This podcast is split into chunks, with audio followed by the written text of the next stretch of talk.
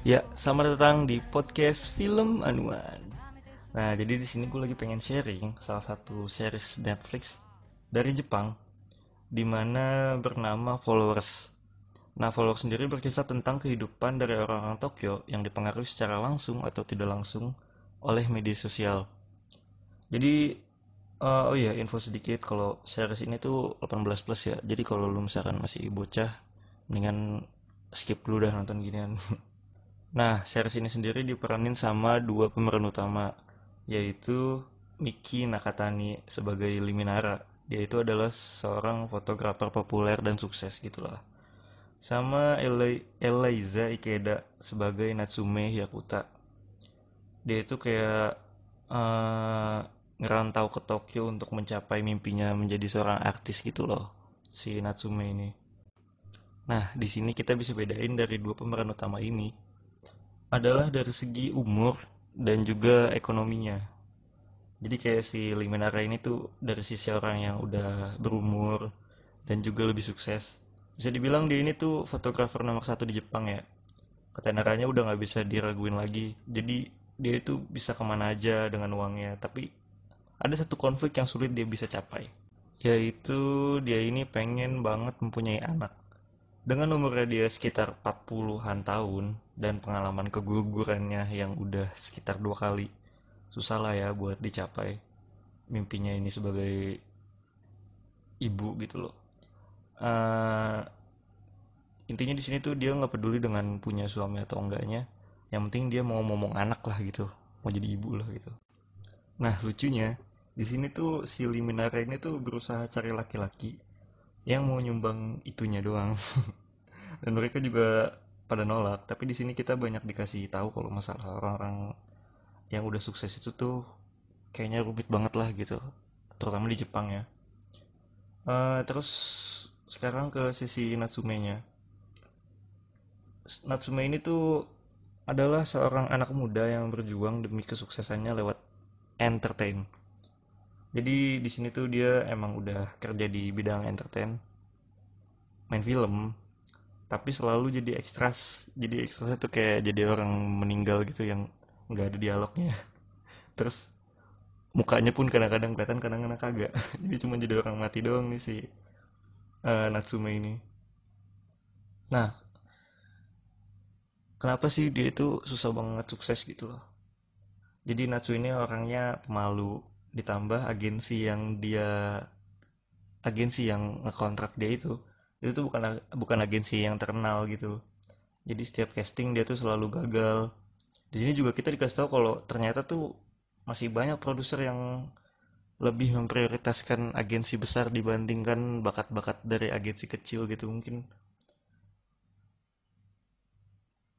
Dan mereka berdua tuh uh, intinya di sini perlahan saling ngebantu secara nggak sadar buat ngelewatin konfliknya masing-masing. Ya simpelnya mereka melewati konflik masing-masing tanpa ketemu tanpa kenal. Dan final dari cerita ini tuh adalah mempertemukan dua pemeran ini. Tapi di sini nggak cuma nyeritain ke mereka berdua aja. Jadi mereka berdua tuh punya masing-masing temen dan lingkungannya yang menurut gue tuh unik-unik lah uh, konfliknya. Jadi kayak uh, dari lingkungannya Natsu dulu. Jadi Natsu ini punya tiga teman. Ada yang youtuber yang nanti jadi pacarnya Natsu juga. Terus sama teman seperjuangannya gitu cewek namanya siapa gitu gue lupa. Dan dia juga demen sama Natsu. Intinya di sini LGBT uh, eh, nyantai lah gitu tapi Natsunya tetap demen sama youtuber ini yang cowok. Gitu. Terus ada teman seperjuangannya juga satu lagi cowok yang kayaknya sih di sini perannya kurang penting ya dia biasa-biasa aja. Nggak unik juga. Nah terus kita ke lingkungannya Liminare ini ada tiga orang juga temennya dia. Di mana ada satu manajernya yang di mana tuh dia bakal memperjuangkan cintanya bersama bule cowok dan mereka tuh LGBT jadi kayak LGBT Asia Eropa gitulah terus ada yang kerja di agensi juga yang nantinya tuh bakal berhubungan juga sama Natsu. Terus satu lagi ada ada kayak nenek-nenek umur sekitar 60 tahunan gitu loh dan memperjuangkan cintanya tuh bersama laki-laki umur 25 tahunan gitu dan mereka ini ya cinta beneran gitu nggak nggak saling memanfaatkan kayak di film-film Indonesia gitu. Sini pokoknya nenek-nenek ini tuh ya kayak cinta beneran mungkin kalau di sini tuh mungkin karena uh, di Jepang tuh yang kayak gini tuh biasa aja lah ya. Karena ini menurut gue masa-masanya masalahnya lebih relate ke negara mereka dibandingkan kita.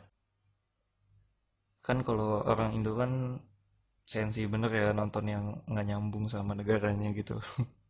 Ya pokoknya biasain lah pada punya pemikiran terbuka sebagai penonton gitu. Dan sebenarnya di sini tuh kita udah nggak terlalu peduli sama segi penceritaannya ya. Karena ceritanya menurut gue aman banget. Dan lu tuh kayak udah tahu bakal ke mana endingnya gitu. Ya menurut gue biasa aja lah gitu ceritanya. Tapi gue punya satu alasan kenapa gue uh, mau nge-sharing film ini atau series ini? Ke lu pada jadi kalau untuk penceritaannya biasa aja lah. Tapi untuk segi teknis ya di sini masih mempertahankan film-film Jepang gitu stylenya. Jadi kayak style-style film Jepang gitu loh. Pokoknya kalau lu bedain film Jepang sama Hollywood atau sama yang lain gitu kelihatan sih. Menurut gua nih menurut gua ya. Rata-rata nih kalau film Jepang itu shoot kameranya tuh kayak banyak yang POV gitu. POV atau point of view. Tapi POV-nya juga bukan di mata aktor tapi di mata penontonnya. Kayak kita gini gitu loh. Terus sengaja agak di shakingin gitu kameranya. Mungkin lebih biar lebih dramatis atau gimana. Jadi kita tuh kayak diliatin secara real gitu kalau kita tuh ada di film tersebut. Dan dengan adegan apa pun mereka bisa buat lebih dramatis itu mungkin opini gue ya untuk style film Jepang. Dan di sini juga dari segi wardrobe-nya ya wah gila sih. Fashionnya tuh kayak dari atas nih kayak rambut make up sampai bajunya. Itu bagus-bagus banget gila. Uh, misalnya contoh ya ada adegan atau scene di pantai. Tapi uh, aktornya tuh nggak pada pakai baju pantai. Dia malah pada pakai baju yang kayak di catwalk gitu loh baju yang fashionable gitu. Jadi mungkin uh, di sini tuh mereka pada nggak terlalu memperdulikan keaslian kostum di setiap tempat ya. Tapi lebih ke ajang pamer desainer kali ya. Jadi buat lo yang emang suka fashion menurut gue ini film atau series recommended banget. Dan ini juga drama yang gak cuma diperhatiin sinematografinya sama penceritaan doang. Tapi dari segi set, grading, sampai scoringnya. Wah iya. scoringnya di sini tuh wah asli bagus banget musik-musiknya. Jadi tuh kayak scoringnya tuh musik-musik bergaya jazz-jazz kolosal gitu loh. Jadi lu menurut gue lu tuh nonton ini enjoy banget gitu. Santai gitu ya bisa dibilang ini tuh kayak seni yang indah dalam sebuah film ya seni yang indah dan frontal gitu dalam sebuah film. Terus buat lo yang emang suka film karena cerita atau premisnya kayaknya kurang recommended sih. Sama kalau lo yang tipe orang yang suka film dengan grading dark gitu menurut gua nggak cocok. Nggak cocok banget. Yang ada tuh lu malah bukan nikmatin lu malah pusing nonton ginian. Lalu di sini gradingnya tuh warna-warni terus frontal banget dan sangat estetik yang pasti. Intinya tuh cocok lah lu nonton ginian sambil makan mie nyantai gitu sambil ngopi ya kan? Karena kita kayak nonton Wonderful Indonesia versi Jepang aja gitu. Oh di sini juga ada ada syuting di Bali juga di episode episode akhir. Mungkin karena Bali salah satu tempat yang ikonik ya di luar Jepang jadinya mereka ngambil shoot di sini. Udah gitu aja sih. Ini cuma 9 episode. Gue juga malas bercerita kayak Itaewon Class kemarin setengah jam. Intinya gitu aja. Lo kalau pada pengen nonton nonton. Kalau kagak ya udah serah. Intinya segi penceritaan di uh, followers ini biasa aja. Tapi kalau lu pengen melihat keindahan dalam sebuah film recommended banget buat lu asli. Jadi thank you nih yang udah denger. Ya udah. Dadah